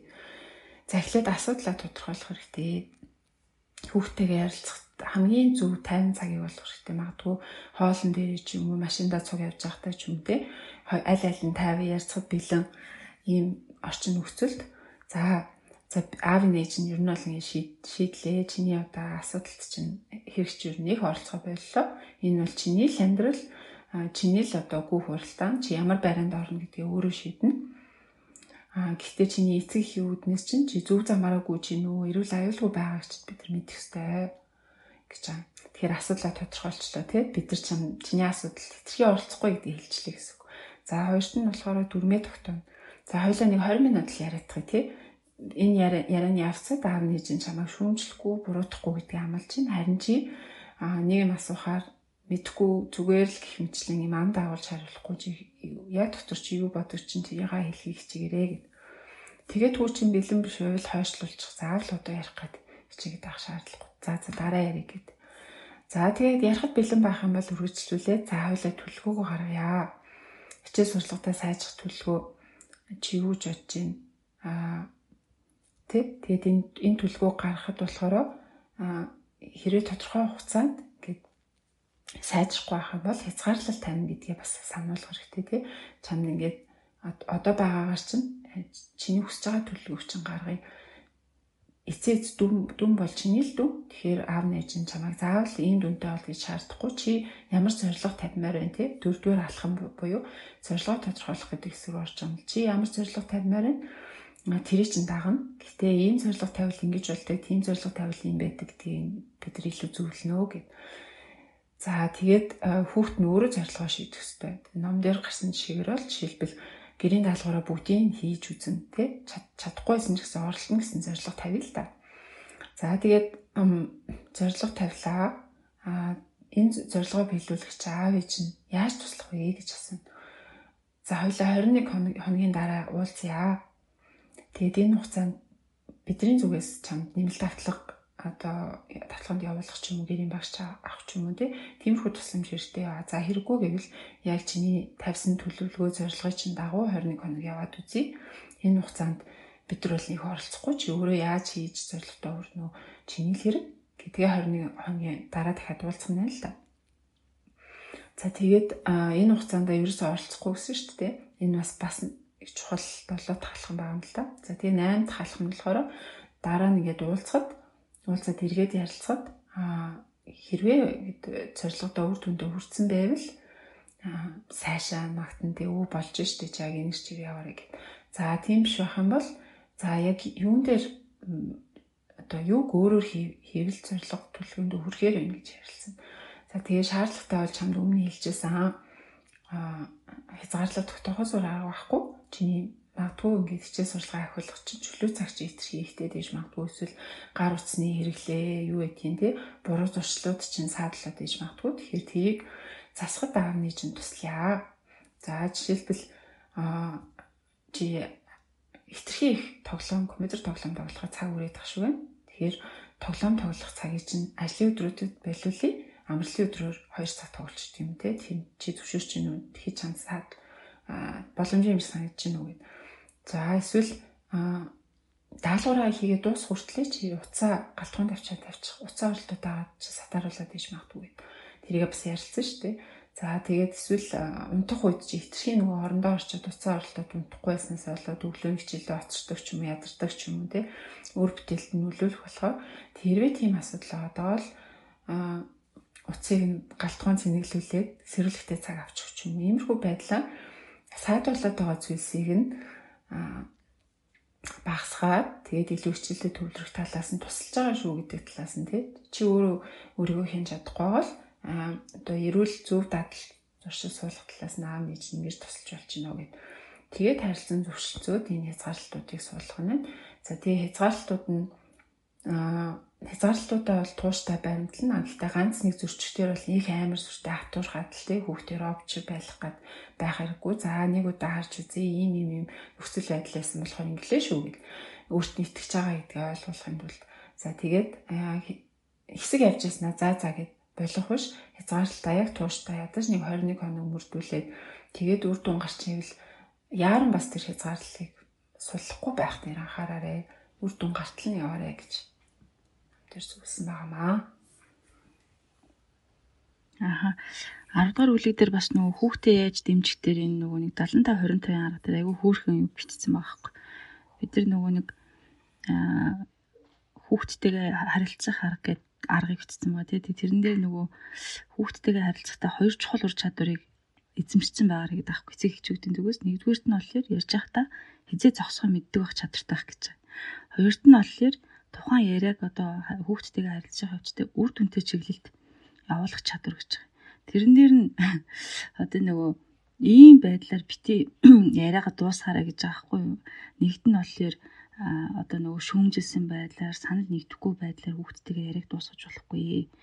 За хоёрт нь болохоор өөрийгөө жишээ аваад тэ хамаг юм дээр өөрийнхөө жишээг аваад яриад ээж болохгүй гэл. За дараад нь болохоор хүүхдийнхаа яг бодит нөхцөл байдлыг бид нэр арай доогоор үнэлээд яг бодит байдлаас нь ингээд доогоор бодож үзээд идэг. Ингиж бас болохгүй гэдэг.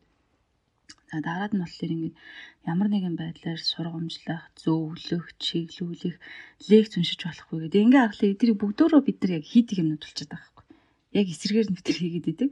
Тэгсэн чинь ийм байдлаар ерөөсөө яриаг үргэлжлүүлэх юм бол үр дүнгүй олно л гэж энд зөвлөд байгаа. Тийм учраас 25 75 зарчмыг баримтлаас урчаараа гэж хэлж байгаа юм. За тэгээ дараагийн сүүлийн бүлгүүд рүү ингээ ороод ирэхлээр одоо яг энэ 13 бүлэгтэй номын 10 дугаар бүлгээс нь дөнгөж эхлээд яаж байгаа вэ гэхээр за одоо л та хүүхдтэйгээ ярилцаж эхлэрээ буюу эцэг эхчүүд за одоо л та ер нь бэлэн болцсон байх шүү. Одоо та хүүхдтэйгээ ийм байдлаар ярилцаараа ярилцахдаа ийм аргыг хэрэглээрэй гэд одоо яг нөгөө ажил руу байгаа хгүй үнцэн ажил руугаа.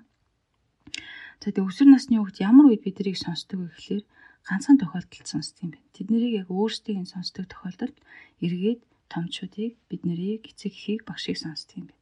За сонсно гэдэг нь болохоор яг тэр өсвөр насныхаа өөрсдийг нь хэр одоо нухацтайгаар сонсож чинь те хэр анхаарал тавиад сонсож чинь хин одоо хэр сэтгэл гарган сонсож чинь гэдгийг бүр амар мэдрэг одоо мэддэг гэж байгаа. Тэгэхээр сонсохдоо бас бид нэр зүгөөрч нэг сонсохгүй байх нэ.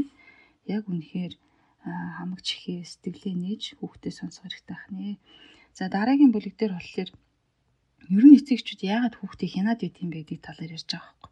Хоёр шалтгааны улмаас л бид нэр хяндаг юм байна л да. Нэгдүгüрт нь мэдээж хүүхдээ хайрладаг учраас бид нар хяндаг. Хоёрт нь бид нар аливаа одоо нөхцөл байдлаас айдаг учраас те ямар нэгэн зүйл буруутчихгүй ямар нэгэн болцсгүй аюул гарчихгүй ч гэдэг юм уу байдлаас бид нар хүүхдээ хянаад идэв.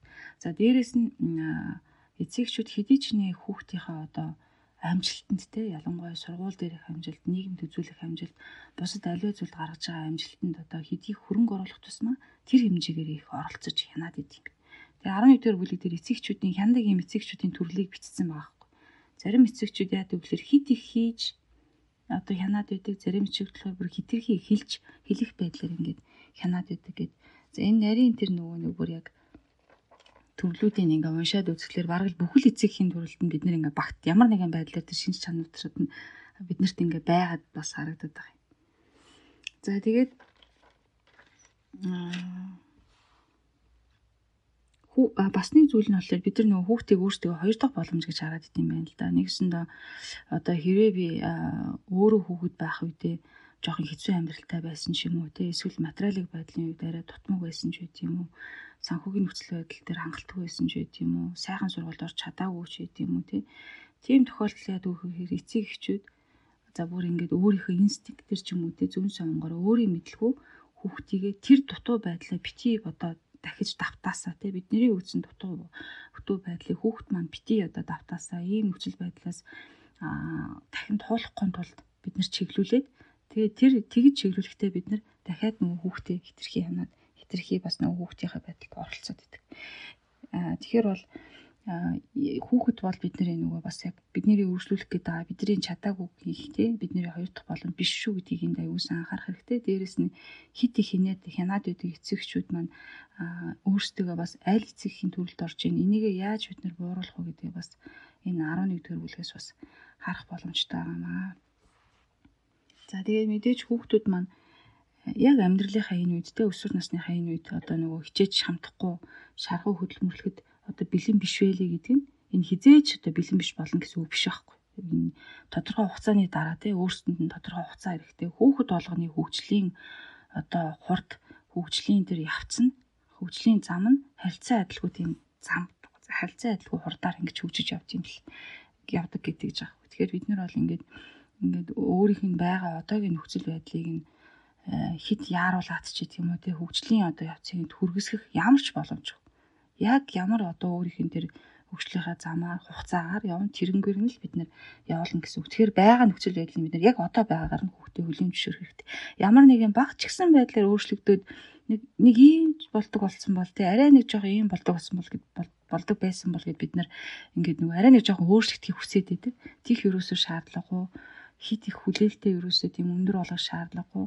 Одоо яг ямар байна? Тэрийг нь ойлго, тэрийг нь хүлээн зөвшөөр гэдгийг бол энэ 11 дэх бүлэгт айгүй тодорхой бичсэн байна. Тэгээд энэ 11 дэх бүлгийн сүүлд бас нэг айгүй гоё шүлэг байгаа. Галил Гибраны хүүхдүүдийн тухай шүлэг.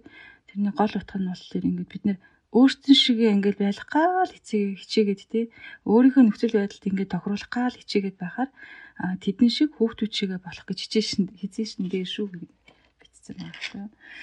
За ингээд сүүлийн бүлгүүд рүү ороод ирэхлээр аюу одоо яг нөгөө гол нөгөө хийх ажлуудаа яаж хүүхдээ ингээд итгэвтэй, чармаалттай, өөрөө сэтэлтэй, өөрийгөө зоригтой болгоход нь дэмжих вэ гэдэг юм бүр нарийн нарийн ажилбаруудаар нь ингээд тайлбарлаа бичсэн байна. 12 дугаар бүлэгт ороод ирэхлээр болохоор би чадна гэж бодож байна буюу одоо нэг хүүхд маань ур чадвартай болохын тулд яах хэрэгтэй вэ гэдгийг бичсэн байгаа. Тэгэхээр аа энд нөгөө нэг чадахгүй бяцхан хөдөлгүүр гэж байгаа хгүй. Тэгээд тэр нэг жижигхэн бяцхан хөдөлгүүрийг яаж юм одоо ингэ чаддаг юм том хөдөлгүүр болгох вэ гэд зүйрлээ бичсэн байна. Тэгэхээр бага насны бага наснаа байсан жоохон хүн маань чаддаг өсвөр насны хүү болоход юу хэрэгтэй гэдэг вэ гэхээр энд одоо өөртөө нөлөөлөх чадвар тий өөрийгөө зохицуулах чадвар, өөрийгөө хянах чадварууд гэд янз бүрийн юм чадруудад хүүхдэд сургах хэрэгтэй. Энэ чиглэл рүү дэмжиж, энэ чиглэл рүү бид нар одоо чиглүүлж, хэлж ойлгуулах хэрэгтэй. За тэгээ чадвартай холбоод холбоотой өрөөд ирэхлээр хүүхдүүд бас нөгөө оюун ухааныг оюун ухаан өөрийнхөө тэр оюун ухааны сэтгэлгээ тэр тэр чадрыг хүүхдүүд юу гэж ойлгодог вэ гэхээр ээж аваасаа төрөхдөө л нэг тогтцсон оюун ухаантай төрцөн байдаг. Тэрнээсээ цаашаа би одоо ингээд өсөн дэвжигч үе тийм хөгжих боломжгүй гэж зарим ингэж ойлгоод идэг гэж байгаа. Тэгэхээр энэ дээр бас ингээд хүүхдүүдтэйгээ аягүй сайн ярилцаж тодорхой асуултууд дээр чи өөрийгөө тий одоо анх төрөхтэй нэг тодорхой тогтсон оюун ухаантай гэж боддгоо хүн аливаа нэг шин зүйлийг суралцах тусам чиний чадвар чинь улам нэмэгдэж тий оюун ухаан чинь улам нэмэгддэг гэж ойлгодог гэх мэтчлээ ингээд асууж ингэж ярилцах хэрэгтэй юм байна. За тэгээд бас ингээд хүүхдээ юм чадвартай болгохын тулд бид нар бүр эцсийн үр дүнд нь төлөрөөд идэг. Одоо юу гэдгийг те энэ жилийн төгсгөлд ингэсэн байх ёстой шүү. Эсвэл төгсгөд долоогоо төгсгөд ийм дүнтэй гарсан байх ёстой шүү ч гэдэг юм уу те. Эсвэл томьёо сургуулийг төгсгөд гадаад ийм сургууль тэнцсэн байх ёстой шүү гэдэг ингээд үр дүнд нь бид нар төвлөрөөд идэг. Үгүй ээ яг үйл явцад нь төвлөр. Одоо сурж байгаа энэ үйл явцад нь хүүхүүдэд ямар бэрхшээл тулгарч ийн ямар чадахгүй зүйл тулгарч ийн тэрэн дээр бид нэр ямар байдлаар дэмжлэг үзүүлэх үгээд үр дүнд нь үйл явцад нь бид нэр төвлөрөх хэрэгтэй шүү гэдэг. За тэгээ энэ чадвартай холбоотойгоор ярихад тэр нэг өөртөө нөлөөлөх чадвар гэдэг. Ямар нэгэн бэрхшээл тулгархад зарим хүмүүс яадаг вэ гэхээр за би энэ миний ер нь чадлаас итэрсэн зүйлийг би ер нь чадахгүй юм байна гэдэг ингээд шууд ямар нэг үйлдэл хийхгүйгээр зогсчдөг хүмүүс байдаг юм байна. А зарим нь болохоор адилхан чадахгүйгээ тулгардаг, чадахгүйдаа тулгардаг.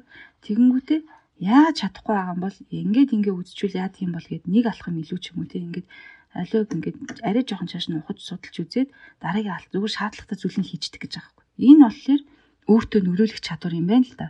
Нэг өсөндөө тухайн асуудалтай тулгараад чадахгүйгээ зогсох биш цааш нь ингээд а ингэчүүл яах юм бол энэ яагаад ингэсэн болоо гэд нэг алхам хийнгүүт нөгөө турбо хөдөлгүүр шиг буюу нөгөө чадахгүй бяцхан хөдөлгүүртэй өөрийгөө шууд ингээд цаашаа ингээд аваа явцдаг шиг ийм гайхалтай ийм л энгийн байдаг гэж байгаа. Тэгэхээр ийм чадруудыг бид нэр хүүхдтэй хэлж зааж өгч одоо сургах хэрэгтэй байдаг юм байна. Олон юм чадруудад бид нар хүүхдүүдэд сургах хэрэгтэй гэдэг юм. Тэгээ хамгийн чухал нь бас хилээд байгаа тийм нөгөө ялангуяа хөвгүүд вэ гэхээр ингээд нөгөө бүтлгүүдээс айгүй их айдаг. Ялан ирээдүйнхээ талаар бодож байгаа. Ирээдүйн бүх зүйлийн л ерөөсөө ингээд айцтай байд юм байна л та. Шалгалтууд, мэрэгчл сонгох, сургууль, багш нар, оюутан ингээл одоо юу юу гэдэг нь айгүй олон зүйл ингээд бодхолоор тэр бүх зүйлээсээ бүгдэрэн бүгдээрэнтэй л ер нь нүүр тулахаас айдаг. Тэгэхээр энэ бүтлгүүдээс айх айх хэрэггүй тодорхой хэмжээний юм өөр өөрө шийдэх те өөр өөрө байх орон зай бүтлгүүдэж үзэх, туршиж үзэх, унаж үзэх тэр орон зайг бидний зүгээс ингэж хангаж өгөх хэрэгтэй юм байна. За хамгийн сүүлийн бүлэгт бол нөгөө 13 дугаар бүлэгт эцэг их хүүхдийн холбоо гэдэг зүйлийг ярьж байгаа. Зохиогч маань болохоор ингээд яг энэ асуудлыг ингээд яриад ирэхлээр ганцхан хүүхдийн асуудал биш болж таарч байгаа бүхэл бүтэн 10 бүлэг хүртэл дандаа эцэг их рүү чиглэсэн мессеж өгч байгаа. Тэгэхээр энд бол эцэг эхийн өөрөөр бол асар их үүрэгтэй те. Эцэг эхийн ойлгож байгаа ойлголт, эцэг эхийн харж байгаа үнцэг бол маш их чухал үүрэгтэй. Буруу үнцгээр буруу ойлголт хараад байгаа юм бол бид нар хизээч хүүхдтэйг нэг хуудсан дээр бивэ те. Яг хүүхдийнхээ нөхцөл байдал дээр өнөөдөр хурж чадахгүй байна гэдэг зүйлийг бүхэл бүтэн 9 бүлгийн турш зохиогч маань яриад 10 дахь үлгээс эхлээд за одоо та бэлэн боллоо. Одоо та хүүхдтэйгээ цаашаа ажиллахын тулд ур чадваруудад сурах. Тодорхой юм хяналт одоо хяналтыг тавихгүйгээр тодорхой бүтцийг гарга. Харин хязгаарлалтуудыг тогтоо гэдэг ин аргуудыг зааж өгч байгаа байхгүй.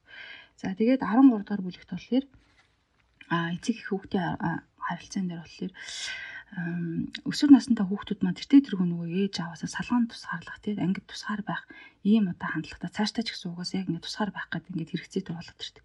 Тэгэхээр нөгөө зарим эцэгчүүдийн тухайд болохоор энэ хүүхэд эцэг ихээсээ салах бүр ингээ орхио явчих юм шиг тийм ер нь ингээд одоо ингээд хүүхдээ ингээ байгаа юм шиг мэдрэмжтэй айгүй хэцүү хүн дээр хүлээж авдаг. Аа тэгээд энэ дээр болохоор юу гэжсэн байгаа гэхээр бид нар хэдий чиний хүүхдийнхээ сэтгэлжин хувьд ингэж ойр байж ойлгож тусалж дэмжин төдий чинээ бид нартай ингэ холбоотой хэвээр л гэдэг юм бэ. Тэгэхээр тэрэн дээр битгий санаа зовоорой гэдгийг бас хэлж байгаа байхгүй. Тэгээд хамтдаа ингээд гэр бүлийн одоо нөгөө эцэг их хүүхдийн харилцааны хамгийн чухал зүйл юу гэхээр алдсан ч хамтдаа алдаад харилцсан бас хүүхдүүдээс энэ энэ тэнцүү хэмжээний уучлалт гуйж чаддаг тий өөрийнхөө алд том томцооч гэсэн алддгийг шүү гэдгийг нь одоо илэн талангуу харуулж чаддаг тий өөрсдийнхөө алдсан алдаанаас ч гэсэн яриад тий ийм ийм тохиолдолд ингэж алдчихсан. За тий хамгийн гол нь тэр алдаанаас сурж байгаа сургамжуудаа бас ингэж хуваалцах чаддаг. Тэгээ ийм одоо халуун дотны харилцааг одоо ийм ойр дотны харилцааг хүүхдүүдтэйгээ бий болгох юм бол хүүхдүүд маань эдийгээр одоо ингээд өөртөө бие дагаад явсан гэсэн тэр хэд бол сэтгэлжийн хувьд одоо сэтгэл сэтгэл сэтгэлээрээ тэ эцэгтэйгээ насан турштай холбоотой хэвээр байдаг юм а гэдэг зүйлийг хамгийн сүүлийн бүлэг дээр ярьж байгаа. Тэгээд бид нар бол нөгөө сайн эцэг их байна гэдэг нь болохоор одоо өшөнжөнгөө хүүхдүүдэд маань юу эрэхтэй яасан юм ингээ санаа зов бодол өдөржингөө тэрийг хийж игэд гүүх нь бол сайн эцэг их биш юм байна л да. Сайн эцэг их гэдэг бол яг өөрт нь тохирсон тэр бэрхшээлүүдийг нь те нүур тулахт нь зам замаа тавьж өгдөг те. Тэр орон цагийг өгдөг. Өөрөө бүдэрч унах тэр боломжуудыг олгодог те. Тэрийг бол сайн эцэг гэж хэлээд байгаа хэрэг. Тэгэхээр 18 наснанд хүрсэн хүүхд цаашаа өөрийнхөө ингэж за өөрийнхөө явах нь чухал гэдэгтэй биш. Тэр насан туршдаа өөртөө тулгарч байгаа бүхий л зүйлийг хэрхэн яаж одоо хайндал болж те. Тэрийг хэрхэн яаж зохицуулж хэрхэн яаж үнийг би шийдэж чадах вэ гэдгийг мэдсэн тэр одоо чадварыг эзэмшсэн байхад бол бидний одоо сайн эцэг байгаагийн сайн хүмүүжлэсний ач тус тэнд л харагдана гэж энэ ном хэлээд байгаа. Тэгээд хамгийн сүүлд нь бол эцэгчүүдтэй хэлэхэд одоо хэдийгээр бидний хүүхдүүд өнөөдрийн байдлаар те ингээд хангалт хүү мэд те яанда одоо өстө нэрээ хизээ нэг болондоо гэж ингээд санаа гэж нь зовоож байгаа ч гэсэн таны хилээд байгаа таны эргэн тойронд нь ингээд хүүхдтэй эзэмшүүлэхийг хүссэн тэр ур чадвар руу тэр үнд зүйлүүд хүүхдээ чи эргэн тойронд тогсоор л байгаа. Тэрийг бол хизээ нэгэн цагт өөрийн болгоод хувиргаад өөрөө ингээд цааш нь явах болно гэдэгт итгээрэй гэсэн үгээр энэ номныхаа бас төгсгөлт нийлээ гэж бодож байна. За Стойх гой мүлжүүртэй олон талаас нь бодох ном байлаа. Дэмжлэн орчуулагч маань энэ номтой уучраад орчуулж гиснээс хойш бас нэлээд хэдэн жил болсон баг тий. Тэгээд одоо хүн 18 даа гэдэг чинь өмнө нь яг энэ өсвөр насныхаа хүүхдийн асуудлыг хүүхдэйг яаж харьцах вэ гэд гайхаж байгаа үедээ энэ номыг ингээд барьж аваад ямар өөрчлөлтүүд гарсан бэ? Бодол санааг нь харах үнцгийг нь яаж өөрчилсөн бэ? Одоо хүүхдийнхаа бол өөрийнхөө тий энэ номны ачаар гарсан өөрчлөлтүүдэд хаалцаж. Аа.